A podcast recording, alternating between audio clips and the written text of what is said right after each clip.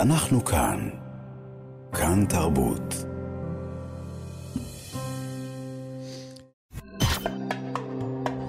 גם כן תרבות. עם גואל פינטו.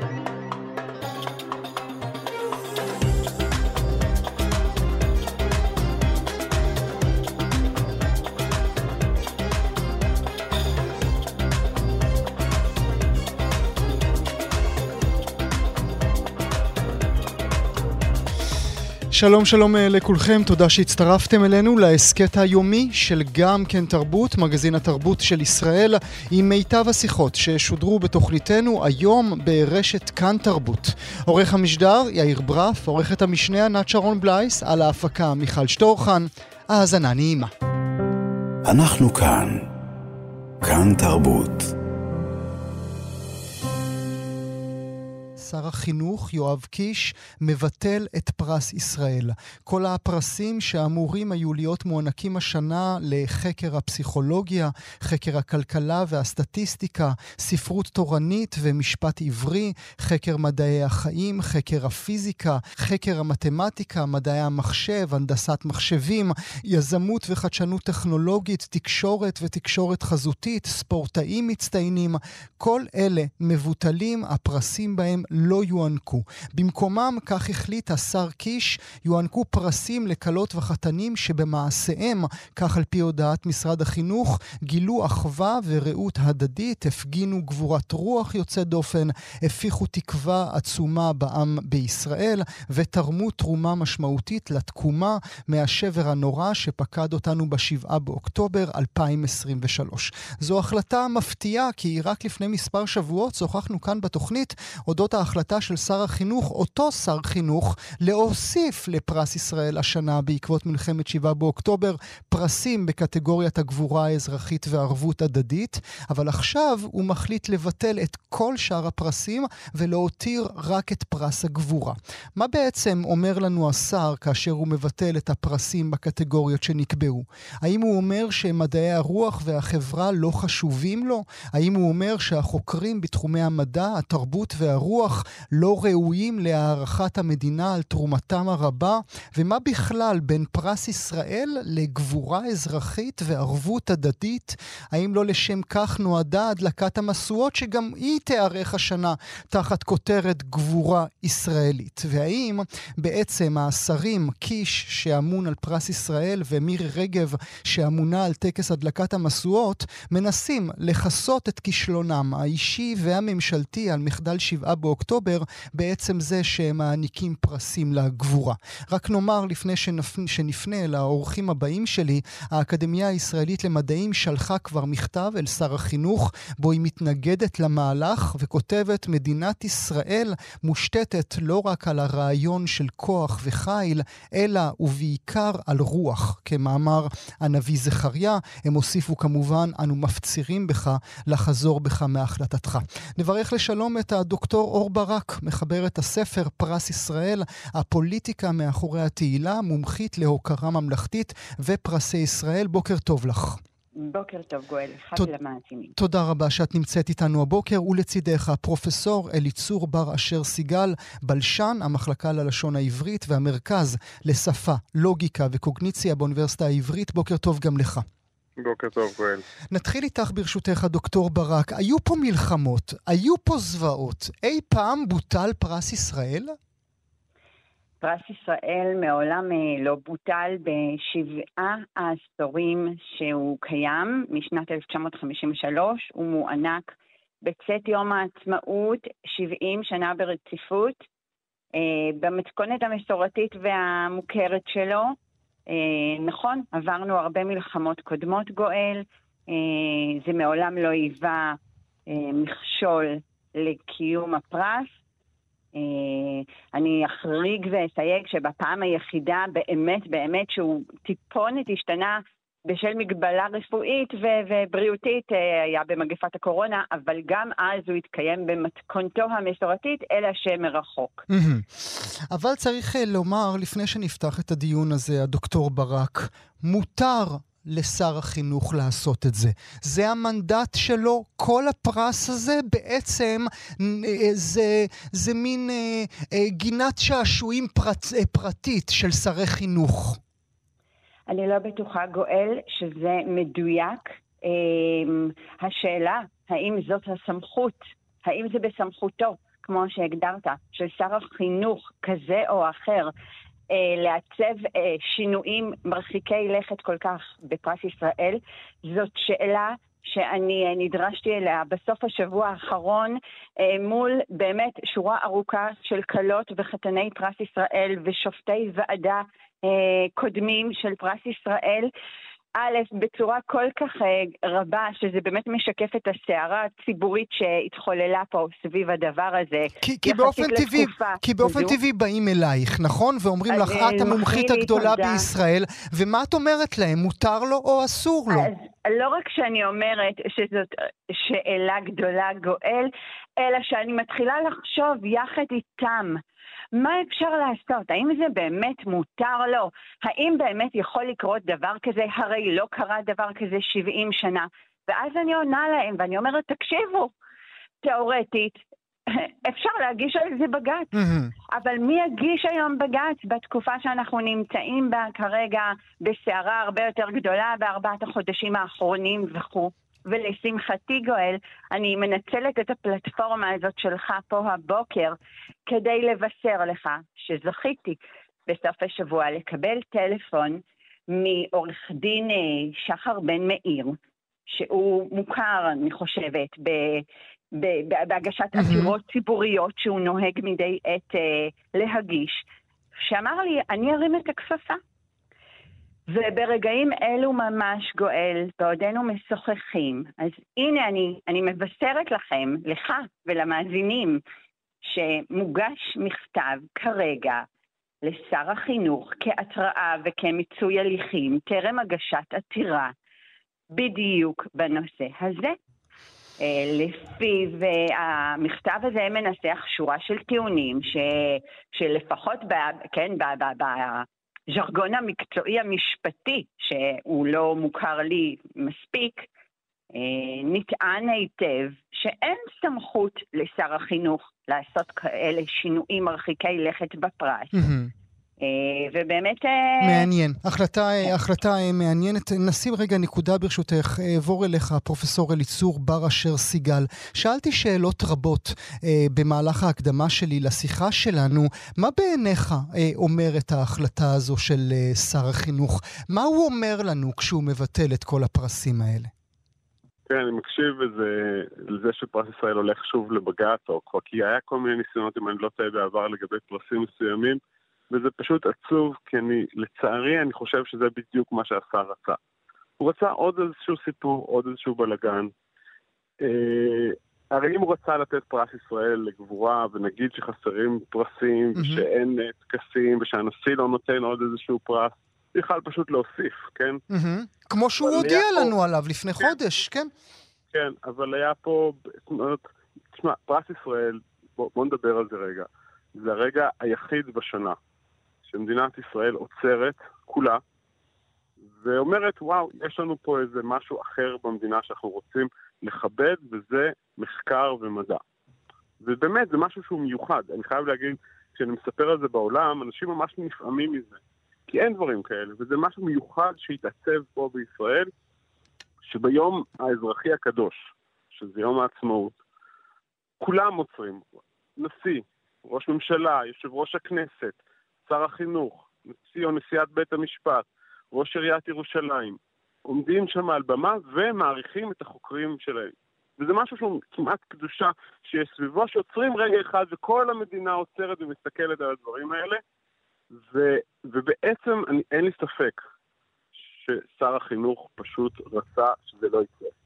הוא לא אוהב את האירוע הזה, הוא לא מתאים לו. הוא. מהרגע שהוא נהיה השר, הוא בעצם נמצא באיזשהו או או, או התעלמות או עימות עם האקדמיה. והוא לא רוצה להיות שם באירוע הזה, והוא מנצל בצורה צינית את המלחמה כדי לבטל את האירוע הזה. אין לי... אין ספק שזה מה שקורה פה.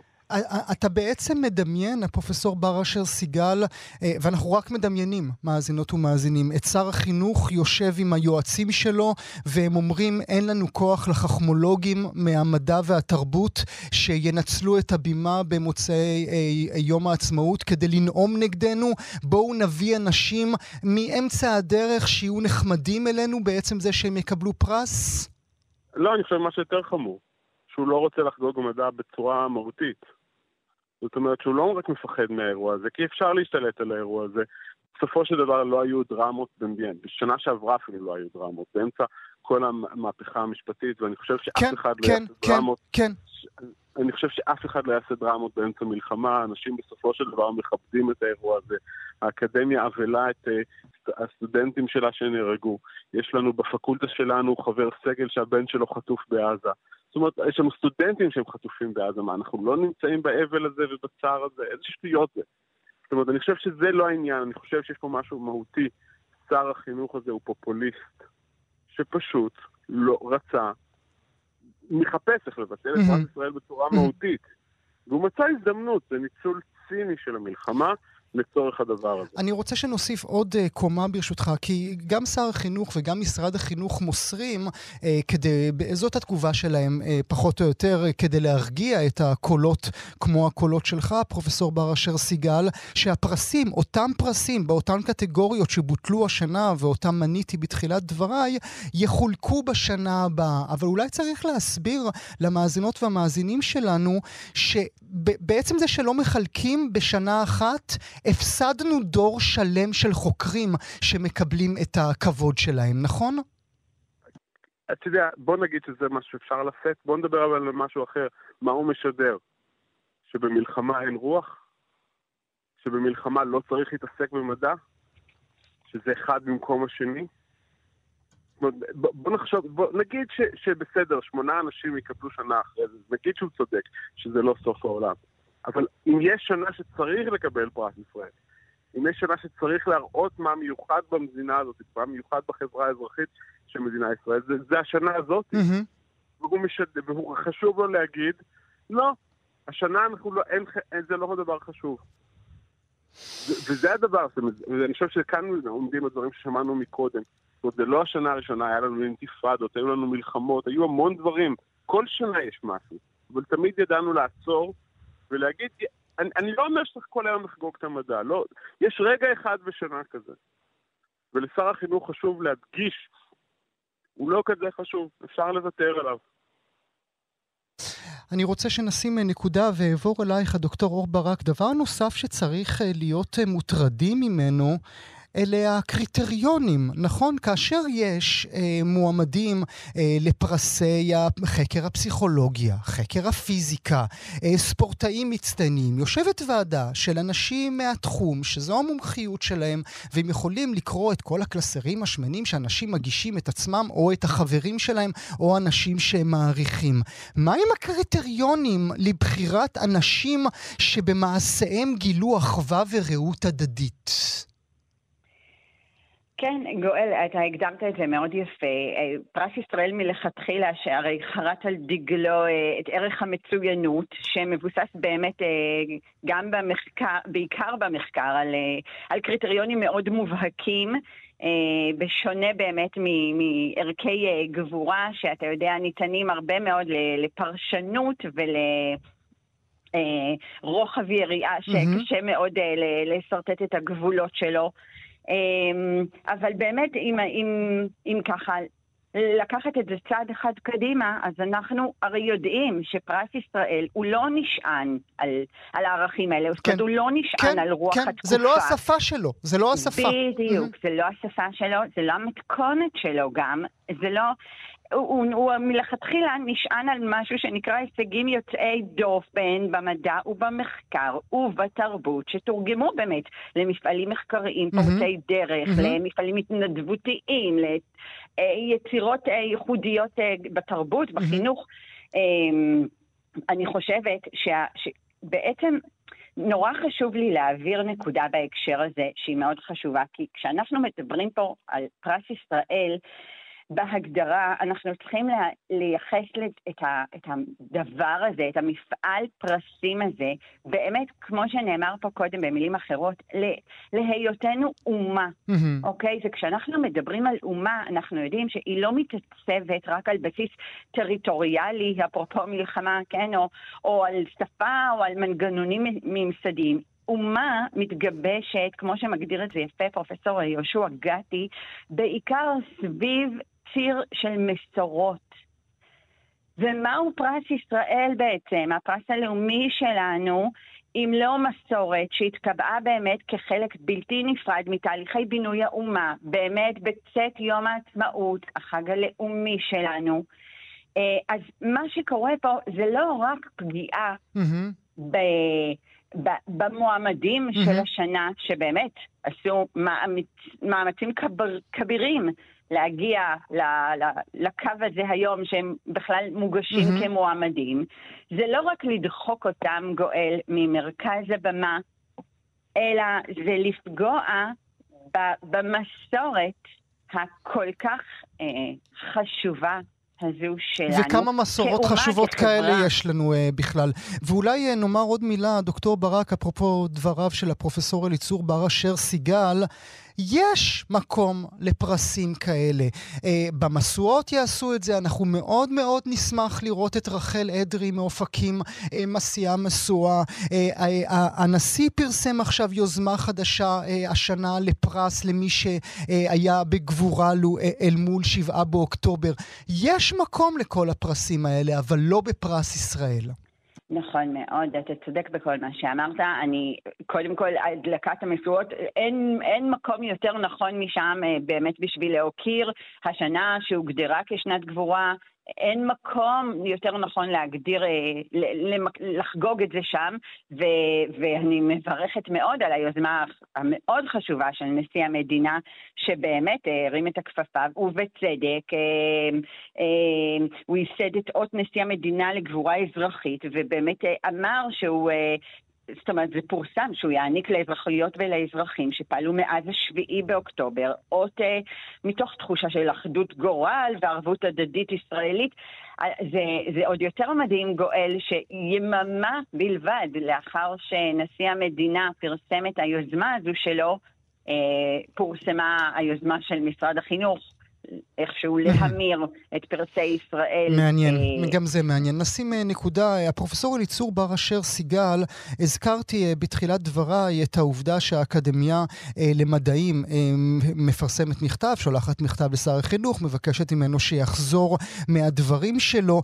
צריך כוכבית, מאזינות ומאזינים, שימו לב שהמכתב הראשון שיוצא הוא דווקא מעולמות המדע, הוא לא מעולמות התרבות, וזה מעציב מאוד. היינו מצפים גם מפורום מוסדות תרבות, למשל, שישלחו מין מכתב שכזה, ש, שיבקש את כבודם של כל החוקרות והחוקרים בתחום הזה, אבל מה אתה מצפה מראשי האוניברסיטאות עכשיו? תראה, אני חושב שכמו שאמרתי מקודם, אני חושב שזה לא סתם. אני חושב שזה... זאת אומרת, זה, זה מגמה מאוד כללית אצל השר הזה. זאת אומרת שהוא נמצא מהיום הראשון במלחמה עם ההשכלה הגבוהה. ואני חושב שלצערי, כדרכם של חלק גדול מהשרים בממשלה הזאת, במקום עשייה הם עסוקים בהחרבה. ואני חושב שבעצם אה, השר פה בא להחריב מוסד. וכמו שאנחנו מאז 7 לאוקטובר נמצאים במקום שבו החברה האזרחית נעמדה ובעצם אה, לא נותנת לממשלה להרוס את החברה הזאת. אנחנו צריכים גם עכשיו, גם בנושא הזה, ואולי דווקא בנושא הזה, לעצור ולהגיד, לא, אנחנו נהיה פה השנה פרס ישראל. זאת אומרת, הדבר הזה צריך להמשיך ואם הם לא ייתנו את זה, בסופו של דבר מי שמעניקים את הפרסים האלה זה מתוך האקדמיה, mm-hmm. צוותים של שופטים, של אקדמאים. אז אני חושב, ואני קורא, וגם קראתי השבוע על גבי העיתון, לנשיא האוניברסיטה, לדוד הראל, נשיא האקדמיה הלאומית למדעים, להודיע שאם לא יהיה השנה, שאם משרד החינוך לא מעניק את הפרס, מקימים את כל הוועדות האלה לבד, ומעניקים את הפרס לבד. זאת אומרת, אם צריך לא, שהמסורת הזאת תימשך. Mm-hmm. ואפשר פשוט לה, להעניק, להוציא את הפרס למשרד החינוך ולהעניק אותו בצורה, מי שירצה לבוא לכבד את, המק, את uh, מקבלי הפרס מ, מ, מהשלטון, יבוא, אבל צריך להמשיך את זה, וכמו שבמלחמה, כשלא היו אפודים, אזרחים נעמדו וקנו אפודים, וכמו שלדברים אחרים אנשים הולכים וכותבים כשה, כשמשרד האוצר ומשרד החקלאות לא עזרו לנו, לחקלאים עם, עם, עם, עם התבואה שלהם, אז עכשיו הגיע הזמן שהאקדמיה תדאג לעצמה ותעניק את הפרסים האלה בכל מקרה השנה. אם שר החינוך רוצה להשתתף, שישתתף, אם לא, החברה האזרחית יודעת לעמוד לבד. נשים אה, נקודה ונודה לכם. אנחנו כמובן מאזינות ומאזינים נמשיך ונעסוק אה, בנושא החשוב הזה. הדוקטור אור ברק והפרופסור אליצור בר אשר סיגל, תודה רבה לשניכם שהייתם איתי הבוקר. תודה רבה ובוקר טוב.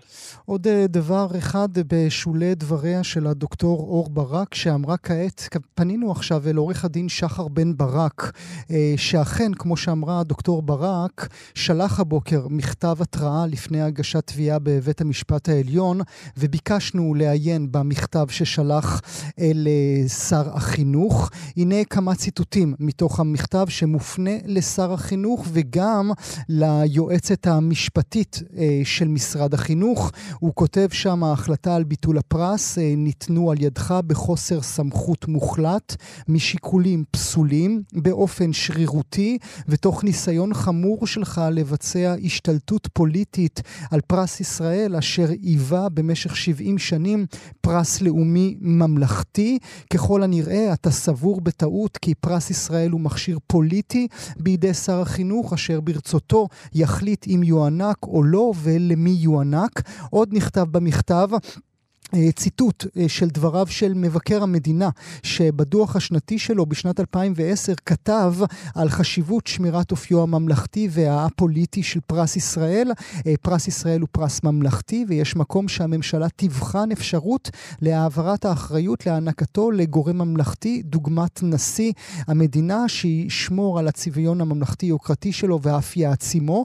שר החינוך, כותב עוד עורך הדין בן מאיר, סבור כי בשנת 2024 הבא, במקום פרס ישראל יוענק פרס קיש ולא פרס ישראל. פרס קיש מהווה ביטול לחלוטין של כלל הוראות תקנון פרס ישראל, ועל הענקת פרס קיש מחליט שר החינוך על דעת עצמו, תוך שבורת, שבירת מסורת של מעל 70 שנים, למי יוענק הפרס ואיך יוענק ומי יבחר את הזוכים, והכל ללא כל קשר, אפילו לא מקרי, לעקרונות היסוד של פרס ישראל. ככל שלא אקבל ממך תשובה בתוך המועד האמור, מסיים בן מאיר במכתבו לשר החינוך, או ככל שאקבל תשובה שלילית למכתבי זה, תוגש כנגדך עתירה לבית משפט הגבוה לצדק, וראה במכתבי זה משום מיצוי הליכים. אז כמו שאמרנו, ואנחנו מפרסמים לכם uh, כעת, מכתב התראה לפני הגשת תביעה uh, בבית המשפט העליון הוגש הבוקר לשר החינוך יואב קיש. אנחנו כמובן נמשיך ונעקוב אחר הדבר החשוב הזה. אנחנו כאן. כאן תרבות. לפני כחודשיים ראיינו כאן בתוכנית את רותם מימון, עורך מדור האוכל בעיתון הארץ, שסיפר לנו על ביטול אחד מטקסי האוכל החשובים בעולם, טקס בו אמורים היו להיות מוכרזים 50 מהמסעדות הטובות במזרח התיכון ואפריקה. הסיבה לביטול, כמו הרבה דברים, מלחמת שבעה באוקטובר, שפים אה, פלסטינים מצד אחד דרשו להחרים מסעדנים ישראלים, ושפים ישראלים מצד שני טענו נגד הארגון שמקיים את התחרות שהוא לא מגנה מספיק את הפגיעה באזרחים הישראלים, אז הטקס בוטל. אבל ההכרזה נעשתה, אבל היא נעשתה בשקט, בלי הודעה מוקדמת או קמפיין ברשתות החברתיות, כאילו היה אבל לא היה. לישראל יש אה, ברשימה נציגות מרשימה, מסעדת OCD של אה, השף רז רהב, ממוקמת במקום העשירי של המסעדות הטובות ביותר במזרח התיכון ובאפריקה, מסעדת, מסעדת ג'ורג' וג'ון במקום ה-20, נעמי מכפר מונש במקום ה-25, אנימר במקום ה-26, מילאגו ומילבר במקום ה-34, ובמקום ה-46 אופה של השפית שיראל ברגר, שבטקס שנה שעברה הוכרזה כ-one to watch, זו ששווה לעקוב אחריה. אז הנה, עקבו, התרשמו והכניסו אותה לרשימה. לא רק זה, אלא שהארגון בחר את אופה גם לאחת מהמסעדות שמבוססות על צמחים וירקות הטובות בעולם. שיראל ברגר, השפית, נמצאת איתנו הבוקר. בוקר טוב לך. היי, אנחנו מקום 43, אני חייבת... גנבתי לך, גנבתי לך שלוש מקומות? גם ככה זה נושא רגיש, אז הייתי חייבת, אתה יודע, פשוט... אני שמח שהתחלת ככה, אני שמח. תגידי, להגיד מברוק או שזה מין רגעים כאלה שאת אומרת, נו, מה לשמוח עכשיו? שמע, זה, זה מתעתע, כן? כי יש את ה, כל מה שקורה מסביב, אז הכל מקבל פרופורציה אחרת ומשקל אחר כמובן, אבל כן, זה חשוב עדיין לראות קצת אור בימים כל כך חשוכים. אז, אז זה כן נחמד לשמוח אה, קצת כשאפשר, אבל עדיין שמחה מאוד מאוד מתונה. מכל מיני סיבות. הרגשת את היד הקרה של הקולגות שלך ברחבי העולם מאז השבעה באוקטובר? אמ, כן, אני חושבת שבמיוחד אפשר לראות את זה על הרשימה, כן? גם כשהיינו שנה שעברה בטקס הרגשתי אה, לפעמים עוינות ולפעמים גם... כבר בשנה שעברה, עוד הרבה לפני שבעה באוקטובר. כן, היה שם איזו עוינות, הרגשתי שזה לא בדיוק אה, ששמחים לראות אותנו, אבל השנה זה היה קצת מוגזם, גם ברמה של המיקום של המסעדות הישראליות, גם בירידה של מסעדות אחרות, גם זה שעם כל האהבה והכבוד, אתה יודע, אנחנו ב- בישראל נחשבים מעצמה קולינרית לא פחות מעניינת מערים אחרות. אם לא יותר, mm-hmm. מעין בחינה קולינרית, אני אוהבת לקרוא לזה, וזה לא משתקף החוצה שם ברשימה, זה כמין הרגשה שעשו לנו טובה באיזשהו מקום. אבל גם לא, לא נעים להתלונן על זה, כן? כי, כי לפחות אנחנו שם, ואני דווקא הייתי מצפה, כן, באיזשהו מקום מה, מהרשימה להיות אה, אה, לא להיות פוליטית, ולכן אה, הצטיירה ככזו, אה, פשוט רואים את זה שחור על גבי כן, לבן, לא משנה כן. מה יגידו. ואולי זה גם נובע, צריך להגיד, לא בהכרח מאנטישמיות או מאנטי-ישראליות, אולי הם פשוט, הארגון לא רוצה את הכאב ראש הזה על, ה, על הראש שלו, כן? הוא לא רוצה להיכנס אל המדמנה המזרח-תיכונית. להפך, אז אני אומרת, אם אתם לא רוצים עכשיו להיכנס לעניין פוליטי, וגם הרבה יגידו שמזון אה, מחבר בין אנשים, שכן יש פוליטיקה במזון, אבל זה כן מגשר בין הרבה עמים וכן מגשר בין אנשים. אז, אז הייתי מצפה דווקא ש, שישראל תהיה ממוקמת במקומות, במיוחד אופה, שהיא פשוט מסעדה מטורפת, שלא תהיה מקום 43, זה קצת מביך ברמות קשות. אני מאוד אוהב, אני מאוד אוהב את הגישה שלך. מה שלום אופה? זאת האמת. מה שלום אופה אה, באמת מאז 7 באוקטובר? היית סגורה חודש, נכון? כן, אה, היא הייתה סגורה חודש אה, כי היינו פשוט הלומות. הלומות זה, זה, זה מילה קטנה מלהכיל את מה שאנחנו, אתה יודע, אנחנו, חוץ מטבח אחד שכן נמצא, המשפחה שלו היא מעוטף עזה ומניר-עם, ששם קרה נס, אז אנחנו... אה, לא היינו קרובות ישירות לדברים, אה, לזוועות, כן, אבל עדיין זה, יש סיפורים שהם אולי לא מדרגה ראשונה, אבל עדיין זה פשוט כל כך כל כך קשה, ולא ראינו מקום בכלל למסעדות, להפך, הרגשתי שאם אני פותחת את המסעדה שלי זה סוג של חוסר כבוד, mm-hmm. לקחנו זמן. כן. אבל אז הבנו שבעצם הבחירה בחיים היא תמיד תהיה יותר חזקה, ודווקא בתקופות כאלה מסעדות הן נורא חשובות, כי הן נותנות מפלט זה סוג של אסקפיזם לרגע לאנשים, ואפשרות להמשיך בחיים, זה כמו סוג של בחירה בחיים, כן?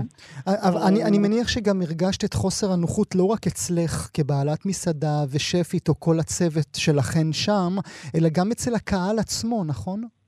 כן, אה, אני חושבת שדווקא אה, מבחינת הקהל זה כן הפתיע אותי מאוד, כי פתחנו אחרי חודש, חשבנו, חשבנו, אמרנו מה נעשה.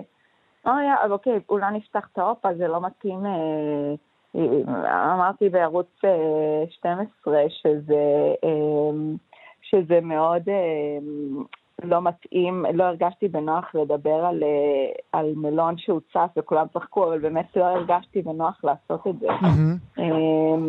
אני חושב שגם אנחנו, אני בפעם הראשונה שיצאתי לבית קפה אחרי אולי חודשיים או שלושה מאז השבעה באוקטובר, לא יכולתי, את יודעת, אחרי חמש דקות להגיד לעצמי, מה לעזאזל אתה עושה פה עכשיו? לא, הרגשתי באמת, הרגשתי שאחרי שבועיים שמקומות התחילו להיפתח, הרגשתי שזה מאוד מאוד מנותק ומאוד תל אביבי, כרגיל. להיות מנותקים מהסיטואציות שקורות מחוץ לתל אביב. אבל אז, אחרי, ש... אחרי שבועיים, אני חושבת, אני הלכתי למסעדת פרא, ו... ובאמת זה היה אחרי שכבר הרגשתי כל כך עצב כזה עמוק, ואמרתי, יו, אני חייבת רגע להתאוורר מהבית ומהחדשות, וזה ממש נתן כמו מקום של אירוח, ולאו דווקא mm-hmm. משהו של בילוי, והרגשתי שזה משהו שגם האופה יכולה לעשות. Mm-hmm. אז פתחנו,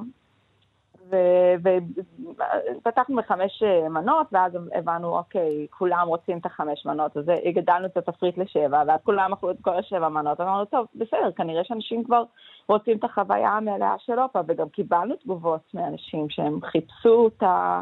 את האופה. אמ, אז, אז חזרנו לשם. זה לקח קצת זמן, אבל אה, אנחנו שם כרגע, זה מרגיש מאוד נכון. מה את uh, מרגישה בכלל על השדה הקולינרי בישראל? אנחנו שומעות ושומעים יותר ויותר מסעדות, uh, במיוחד כאלה הקשורות ל-400 אלף המשרתים שהיו שם ארבעה חודשים, שהם לא מצליחים להתרומם, על מסעדות רבות שנסגרות. Um, תראה, קודם כל אני חושבת, זה כמו בקורונה, הרבה פעמים uh, יש מכות לפני, ואז את מקבלת את המכה הגדולה ואת לא יכולה להתרומם ממנה, אבל... אה, יכול להיות שהיו שם בעיות עוד לפני המלחמה. המלחמה כן יש לה קשיים, אה, כן יש בעיה של, אה, של טבחים, טבחיות, אבל אני חושבת שמי שבאמת טוב ומי שעושה משהו שהוא, שהוא יוצא דופן, בסוף תמיד אנחנו שורדים ושורדות. והמסעדות החזקות נשארות. אני לא חושבת ש... זה מה שיפיל אותנו, כן? המדינה יכלה בהחלט לעזור יותר לעסקים, וכרגיל היא לא עוזרת mm-hmm. מספיק. אה, להפך, אני, אני גיליתי שאני משלמת אה, על כל מיני מילואימניקים אצלי. והייתי בהלם, אמרתי, גם כופים עלינו מלחמה, וגם אני צריכה לשלם על זה, לא הבנתי. אבל uh, עדיין באיזשהו אופן אני אוהבת להיות פה, ואני לא מוותרת למקום הזה. אמ, שזה גם אולי בעיה מאוד גדולה אצלי, אבל אה, אולי זה גם יתרון. אפרופו המקום הזה, את מדמיינת עם ההצלחה הזו אה, של אופה אה, סניפים ברחבי העולם? אמ, לא. אני, כל הזמן יש את ההצעה ויש את המקום של, את יודעת, אם היית עושה את זה בחו"ל, היית הרבה יותר מוצלחת, אנשים היו משלמים יותר כסף, היה יותר קל, אנשים בחו"ל כבר במקום קולינרי, בחינוך קולינרי כבר הרבה שנים, וישראל עדיין אה, צעירה בעניין. אה, אבל לא, אני, אני, קודם כל עדיין לא הגיעה הצעה מספיק שווה, אז בואו נתחיל בזה. דבר שני, אני בן אדם אה, מאוד מאוד מאוד אובססיבי, אני מאוד אוהבת לשלוט במה שקורה, אני mm. כל יום באופה, קשה לי לא להיות באופה, אם אני לא באופה, אני, אני עושה משהו שלא קשור לאופה, שקשור לאופה בעקיפין, סליחה. אז לא, אני לא מרגישה שיש, יש, כי תמיד יש איזושהי תחושה שהדשא של השכן ירוק יותר, אבל בסופו של דבר, כל פעם שאני טסה לחו"ל באיזושהי מחשבה שאולי פה זה יתאים יותר, אולי פה יהיה לי יותר טוב, אני לא מרגישה את החיבור שיש לי עם ישראל, ובטח שעם העיר הכי מדהימה בעולם, תל אביב. אז איזה מקום נתנו לך? מה החלטנו? 43. מאוד מאוד מאוד מאוד נמוך, מאוד מביך. אני ממש בהיילן. את, את מבינה שזה מתוך החמישים הטובות ביותר ב, ב, ב, כן, במזרח התיכון? כן, אבל כשאת רואה פלאפליות ואת רואה חומוסיות שעוקפות אותך במקומות של המבורגרים שעוקפים אותך, אז את אומרת, אוקיי, מה קורה פה? זה קצת הזוי. אז מה, שנקרא להם שבשנה הבאה בכלל לא יכניסו אותך לרשימה? לא, חס וחלילה, אני פשוט אומרת, אני פשוט אומרת שמה שאני נורא נורא אוהבת ב-50 best העולמי, 50 best בכללי, הם הצליחו לדרג את עצמם מבחינת חובבי הקולינריה הגבוהה בעולם, הם הצליחו לדרג את עצמם אפילו כיותר prestigious מהמשלן נכון, בהרבה מקומות, נכון. כי הם בוחרים מסעדות שהן לא לפי הספר, שהם לא עכשיו יעשו את כל הכללים שהמשלן רוצה שהם יעשו ולפי זה יקבלו דירוג. ו- ובגלל זה תמיד הערכתי מאוד את, ה- את הרשימה הזאת, ופתאום את רואה שיש מסעדות שהן, לא יודעת, חלק מ... מקולינריה, לא שאני מזלזלת, כן? אבל לא משהו כאילו כל כך מרגש. אז את אומרת, וואו, אוקיי, אולי יש פה איזשהו אה, משחק מכפור, אולי זה תלוי, תלו, כאילו, יש כל מיני שאלות שפתאום עולות Mm. לך. אמ, אבל אני לא אשקר שזה מאוד אה, מרגש, וזה עדיין אה, חשוב להיות חלק מהרשימה הזאת, אבל אה, מקווה ששנה הבאה יהיו בחירות קצת יותר אה, יצירתיות. אנחנו שמחים בהצלחה שלך כך או כך. השפית אה, שיראל ברגר, לעונג רב, תודה שהיית איתי הבוקר. תודה, תודה לכם, ביי. אנחנו כאן. כאן תרבות. הברלינלה, פסטיבל הסרטים של ברלין, מפסטיבלי הקולנוע החשובים בעולם, נפתח בסוף השבוע. סרט הפתיחה היה דברים קטנים כאלה, בכיכובו של קיליאן מרפי, שמבוסס על ספרה של קלר קיגן, שראה אור גם בעברית בהוצאת אחוזת בית. בלב הסרט עוד סיפור על שליטת הכנסייה והחטאים שהיא עשתה אל מול נשים ונערות. גם מלחמת שבעה באוקטובר נכנסה אל המסדרונות הקרים של פסטיבל הקולנוע ברלין, כאשר קבוצת עובדים שם פרסמה מכתב פתוח שקרא להפסקת אש בעזה. הם גם דיברו על מה שהם קוראים התקיפות על חיי פלסטינים. לא רק זה, אלא שהפסטיבל עצמו, לאורך סוף השבוע, קיים מקום מפגש בו אנשים יכלו להחליף דעות בנוגע למלחמה שפוגעת בנו. נטוס לשם כעת, נדבר עם הדוקטור שמוליק דובדבני, בית הספר לקולנוע וטלוויזיה באוניברסיטת תל אביב, מבקר הקולנוע של ynet, שספרו המודרניים הראשונים, ספר עיון מרתק, שבוחן את הקולנוע התיעודי הישראלי של שנות ה-50 ועד ה-70, ראה אור בימים אלה. הדוקטור דובדבני נמצא כעת בברלין, בפסטיבל הקולנוע בברלין. הוא נמצא איתנו כעת, בוקר טוב לך. בוקר אור. תודה רבה שאתה נמצא איתנו הבוקר. עד כמה אתה מרגיש את שבעה באוקטובר שם בין המסדרונות? Uh, האמת, בכלל לא. זאת אומרת, הדברים שאתה ציינת אכן התרחשו, ואני אציין שגם בטקס הפתיחה, uh, שרת התרבות הגרמנית uh, עלתה ונעמה, והתייחסה כמובן למלחמה, ובמהלך דבריה אפילו הכריזה Bring them home now, אפרופו החטופים, אבל גם כמובן התייחסה למצוקתם של האזרחים בעזה. צריך לזכור שפסטיבל ברלין תמיד היה פסטיבל עם אוריינטציה פוליטית, גם בהכרזות שלו, גם בסרטים שנבחרו, אבל בסופו של דבר הדברים האלה נשארים בגדר ההכרזות שנערכות בהזדמנויות כאלה ואחרות, העצומה שאתה הזכרת כמובן, אבל לא מעבר לזה אל, אל הרחוב.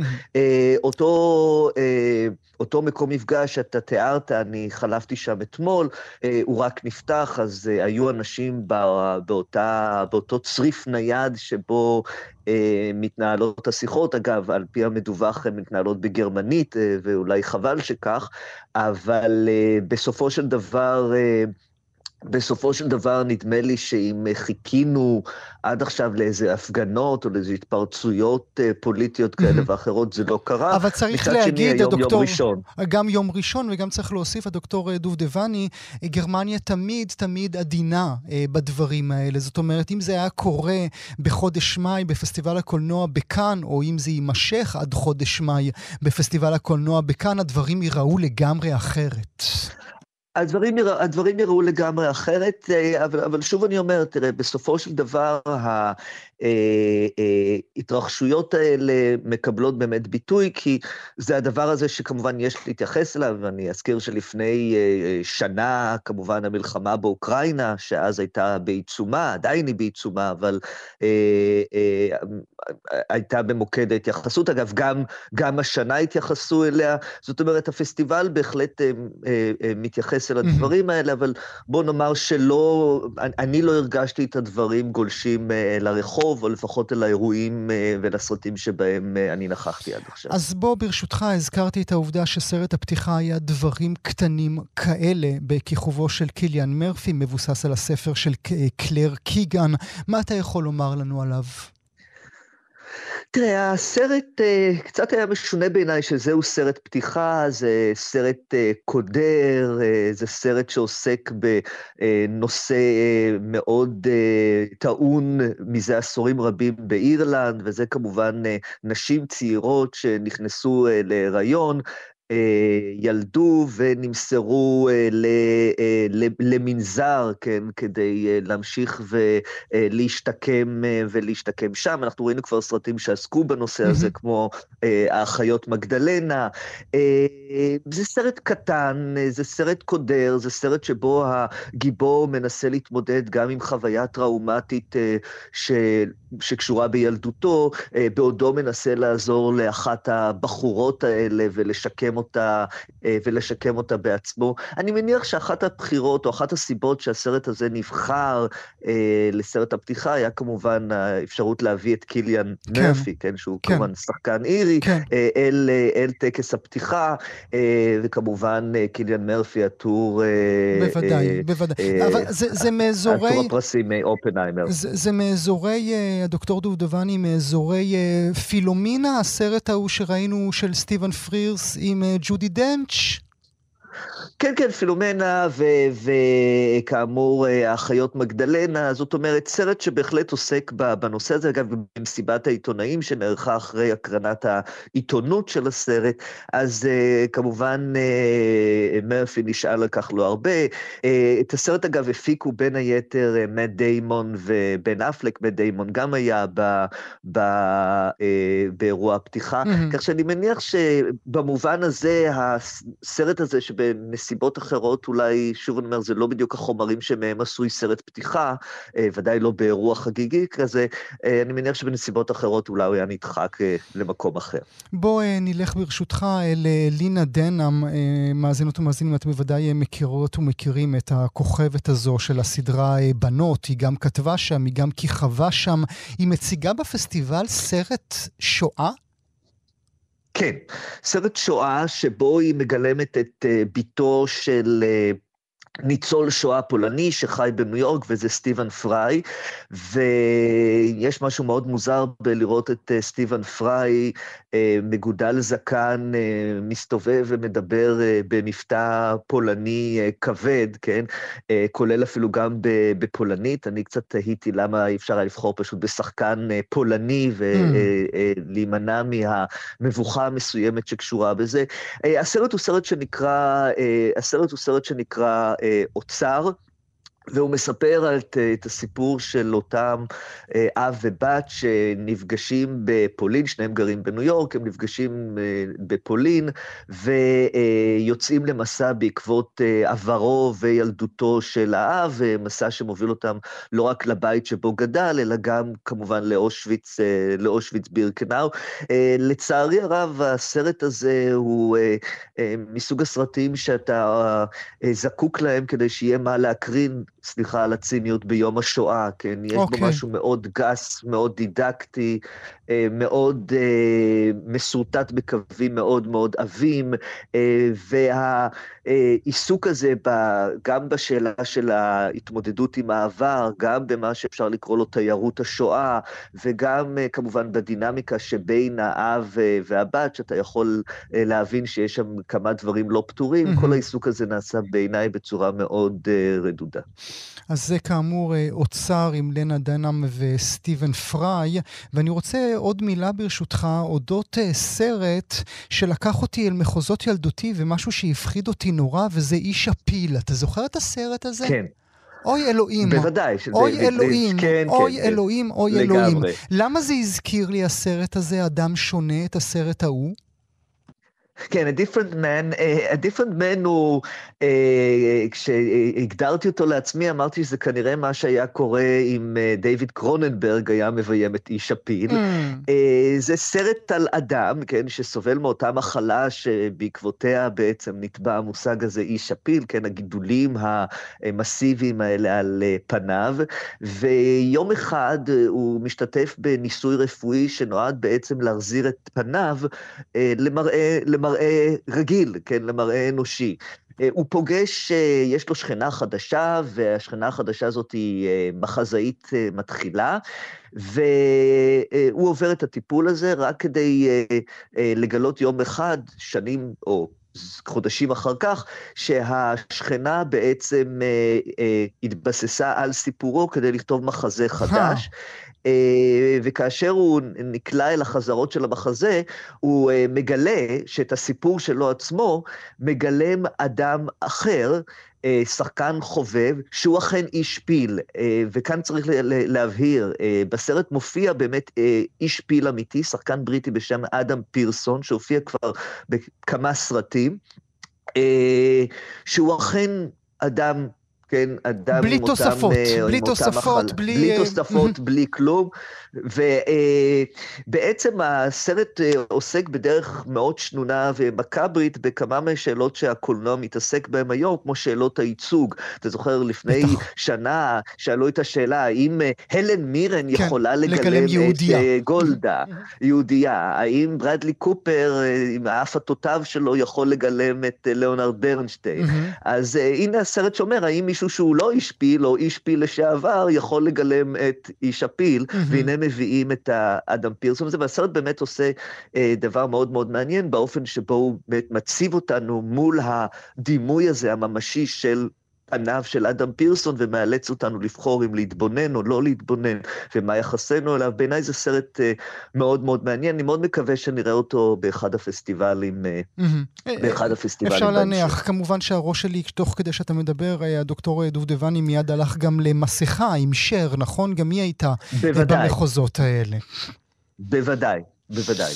אני רוצה בדקה האחרונה שעוד נותרה לנו, אם תרשה לי אה, לברך אותך, דוקטור דובדבני, על הספר החדש שלך, שיצא כעת בהוצאת אה, עם עובד. המודרניים, המודרניים הראשונים קוראים אה, לספר.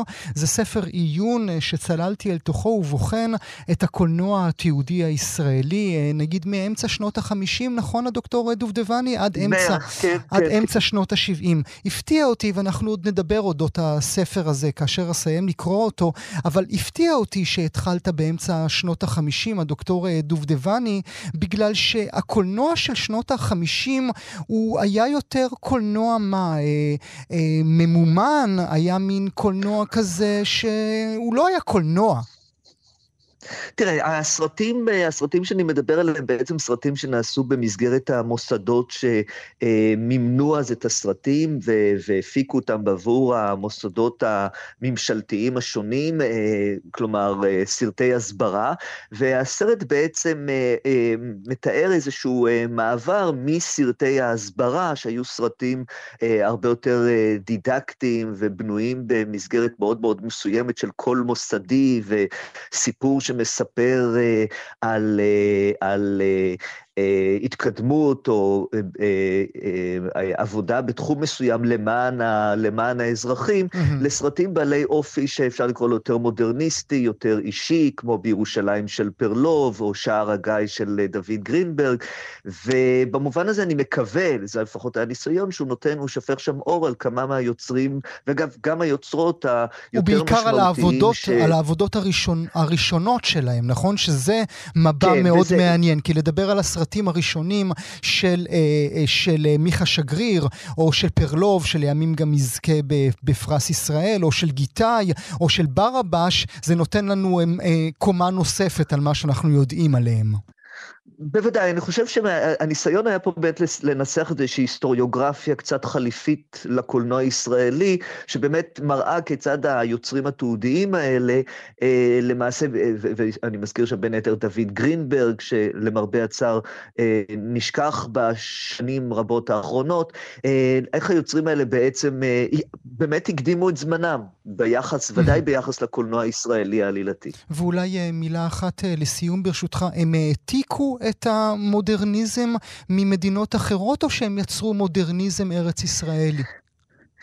תראה, הם ודאי הושפעו, אני מדבר עכשיו באמת על היחסים הטרנס-לאומיים, הם הושפעו מסרטים אה, אה, אה, אירופאים, תיעודיים אירופאים מודרניסטיים, כמו סרטים תיעודיים של אלן רנה או ז'ורש פרנז'ו ו- ואחרים, אבל הם בהחלט יכלו וידעו איך לטעת את ההשפעות האלה בתוך החומרים המאוד מאוד מקומיים שהם עסקו בהם, ובזה באמת היה הייחוד, זה לא, זה לא אלא הייתי קורא לזה אפילו אולי יישום של המגמות האלה ושל האסתטיקה הזאת אל תוך, אה, אה, אל תוך היצירה שלהם, וכשאתה רואה למשל סרט כמו בדמאי חיי, על יד ושם של פרלוב, אתה בהחלט יכול לזהות את ההשפעות מלילה וערפל, או את ההתייחסות ללילה וערפל, אבל כדי לייצר, אה, לייצר באמת משהו שהוא מקומי ו, ו, ו, ונוגע באותן שאלות מפרספקטיבה אישית של פרלוב.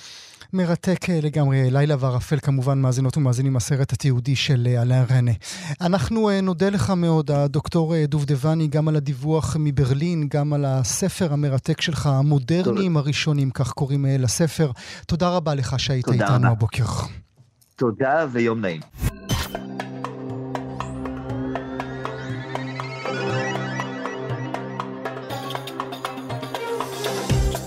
זהו, עד uh, כאן ההסכת היומי של גם כן תרבות, מגזין התרבות של ישראל. עורך המשדר יאיר ברף, עורכת המשנה ענת שרון בלייס, על ההפקה מיכל שטורחן. תודה לכם שהייתם איתנו במסע שכל כולו תרבות ואומנות. שמרו על עצמכם, האזינו לכאן תרבות. תודה ולהתראות.